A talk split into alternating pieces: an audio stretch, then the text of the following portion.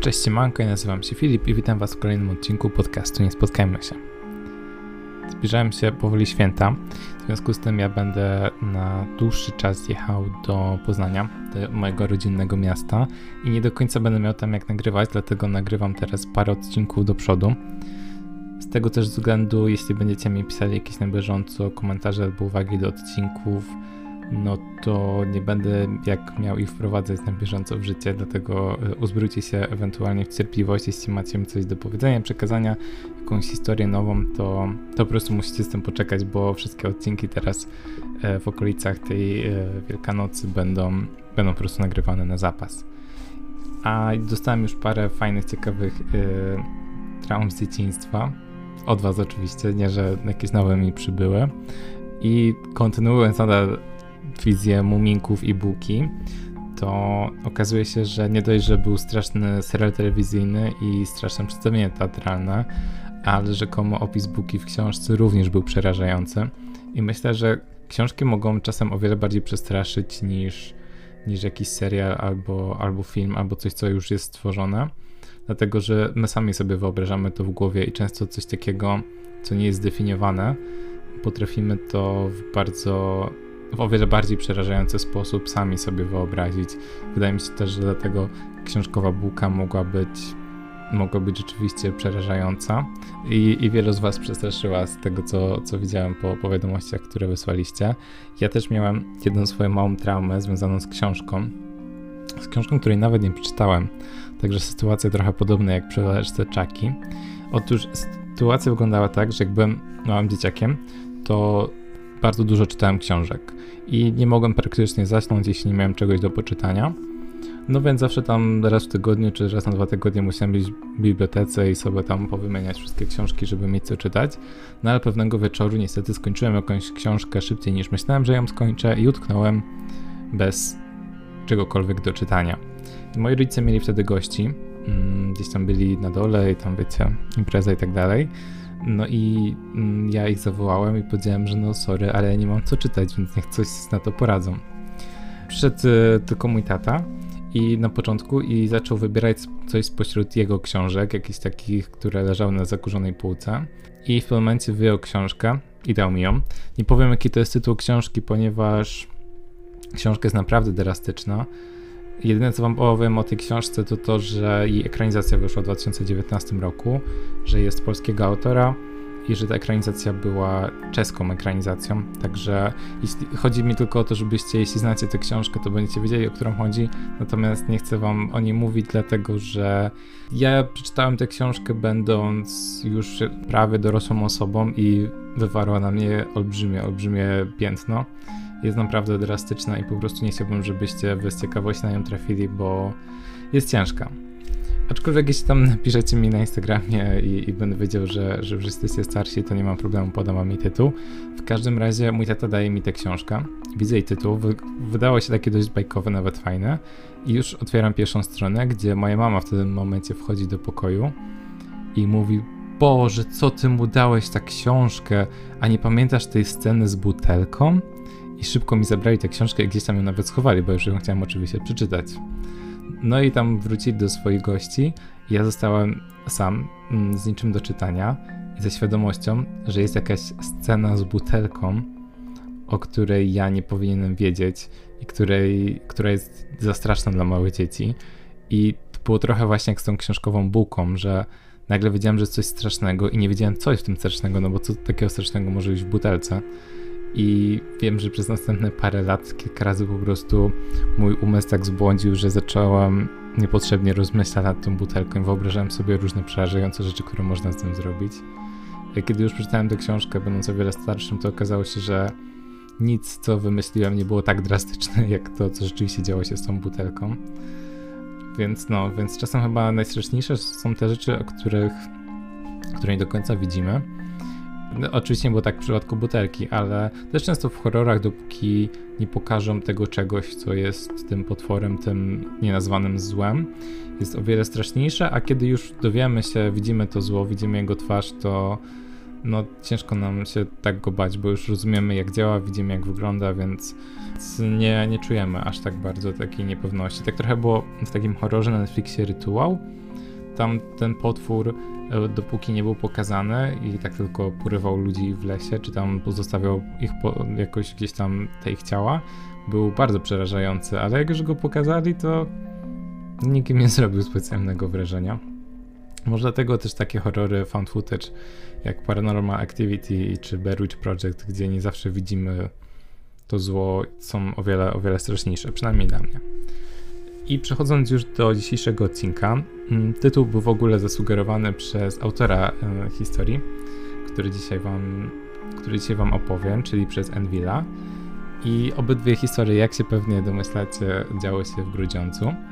Pierwsza z nich przydarzyła się siostrze Envila i to były lata 90., kiedy e, on razem ze swoją siostrą e, i z rodzicami oczywiście mieszkał w bloku i często i mieszkali bardzo blisko swojej szkoły, więc często było tak, że po szkole, jak dzieciaki wracały do domu, no to musiały poczekać jeszcze parę godzin, aż rodzice wrócą z pracy. No i tego konkretnego dnia Envil akurat spędzał czas poza domem ze znajomymi. Wiecie, jak to było w latach 90. Nie ma komputerów, więc e, wraca się do domu, je się obiad, odrabia się lekcje, e, ogląda się Dragon Balla i idzie się tam z kolegami e, poszlajać po okolicy. W każdym razie siostra była sama w domu i słuchała głośno muzyki i przez to nie słyszała, kiedy ktoś wszedł do mieszkania. I kiedy wyszła na korytarz w pewnym momencie, bo musiała iść do toalety, to zauważyła, że stoi tam jakiś facet koło 40 w takim wielkim czarnym płaszczu. No i dzielna dziewczynka od razu tam zaczęła go opieprzać, że kolej co tu robisz, nie wchodź mi tak do mieszkania, o co tu chodzi, no co mężczyzna takim bardzo spokojnym tonem, trochę jakby był w transie, taki zahipnotyzowany, odpowiedział, że przyszedł po ubrania. I uwaga, to jest to, co jest najdziwniejsze w tej historii. E, mama Envira i jego siostry dzień wcześniej przygotowała ubrania, które miały się odbyć w bibliotece, w której zresztą ta mama pracowała. Więc przygotowała te ubrania, które tam powybierała jakieś szafy takie niepotrzebne, których nikt już nie nosi e, i wkrótce miał trafić do tej biblioteki, w której była organizowana ta zbiórka. Z tym, że byłoby trochę dziwne, żeby wysyłała jakiegoś mężczyznę starszego do nich do domu, kiedy wiedziała, że ta córka jest sama po te rzeczy, tym bardziej, że biblioteka jeszcze była na drugim końcu miasta, no i ta mama sama pracowała w tej bibliotece, więc jakby to by było bardzo naokoło, gdyby to by było bardzo naokoło, gdyby go tam wysyłała. No ale siostra Envilla mm, nie, nie widziała innej opcji, jak po prostu dać mu te ubrania, więc wzięła te, te, te siaty, czy ten, ten karton z ubraniami i mu dała, a on bez słowa wtedy wyszedł po prostu z mieszkania. Ona oczywiście za nim od razu zakluczyła drzwi. No i później była, była bardzo roztrzęsiona, bo jak, jak tylko brat do niej wrócił, no to mógł potwierdzić, że, że nie zmyśliła tej historii, bo, bo była bardzo zdenerwowana tym całym spotkaniem. No i oczywiście mama później jak wróciła do domu, to również potwierdziła, że że nie wysłała żadnego mężczyzny po to ubrania, także bardzo dziwny był ten zbieg okoliczności. Natomiast druga historia jest zdecydowanie mm, moim i Envira zdaniem zresztą też o wiele bardziej przerażająca. I początek trochę małe tło tych wydarzeń. Jak e, były bloki, w których mieszkał Envil z, z kolegami, to obok był, była taka większa skarpa, a za tą skarpą był tak bardzo duży, niezabudowany teren, gdzie były takie różne duże krzaki, łąki i też mm, były była taka plaża nad e, Wisłą, która tam płynęła. Nadal zresztą płynie. E, I też były takie miejsca, tak zwane główki, e, czyli takie kamienne pomościki, na których można było łowić ryby.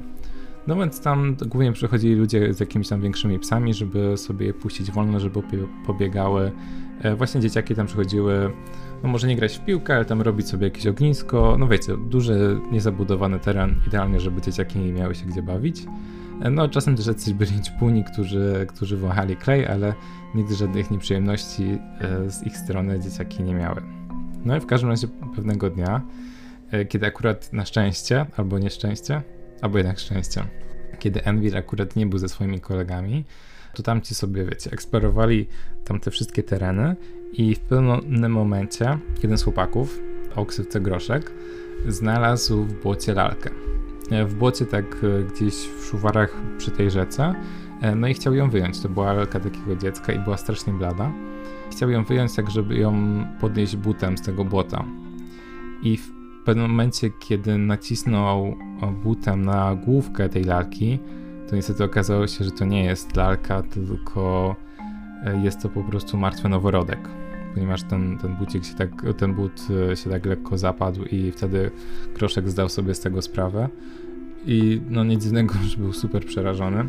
Zawołał od razu kolegów, wszyscy to zobaczyli, co musiało być naprawdę odcisnąć wielkie piętno na nich. No i nie było wtedy telefonów komórkowych, więc nie mieli jak po kogo zadzwonić. E, tak więc poszli do najbliższego wędkarza, który po prostu gdzieś tam sobie łowił rybę. No i on na początku im nie uwierzył, bo myślał, że pewnie dzieciaki chcą, żeby odszedł w krzaki, oni mu wtedy ukradną wszystkie wędki czy sprzęt. No ale po dłuższych, dłuższych namowach w końcu zdecydował się, że zwinie cały swój sprzęt i poszedł tam, gdzie chłopaki mu pokazały. No i znalazł rzeczywiście tę makabryczną niespodziankę. No i mm, w tamtym momencie już sprawa poszła lawinowo, ponieważ mm, została powiadomiona policja, rodzice dzieciaków, jak i dzieciaki musieli składać zeznania i historia była bardzo głośna w wszystkich mediach i w gazetach i tak dalej, przynajmniej na poziomie lokalnym. I Envil bardzo się starał znaleźć jakiś artykuł mówiący o całym zajściu, ale po prostu to było zbyt dawno temu i możliwe, że wtedy no, że wtedy jeszcze nie było tak wszystko zdigitalizowane i, i te artykuły nie, nie zachowały się żaden taki, na żadnym takim elektronicznym nośniku. Także to by było tyle, jeśli chodzi o kryminalne zagadki e, Grudziądza.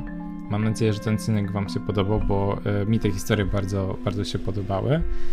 I mam nadzieję, że wyczekujecie kolejnych. Przykro mi, że teraz te odcinki będą trochę krótsze, ale po prostu nie mam za dużo czasu, żeby nagrać je w przód. Mam też bardzo dużo pracy, a, a nie będę miał jakich nagrywać później, dlatego staram się, żeby po prostu jak najbardziej rozłożyć, żebyście, żebyście w miarę regularnie mieli czego słuchać. E, mam nadzieję, że nie będziecie na to, za to na mnie źli i że jak już e, wszystko będzie po świętach i tak dalej, jak już będę z powrotem w Łodzi, to, to uda mi się ponagrywać z powrotem trochę dłuższych odcinków. Także to był podcast Nie Spotkajmy się, a my spotkajmy się w następnym odcinku. Do usłyszenia.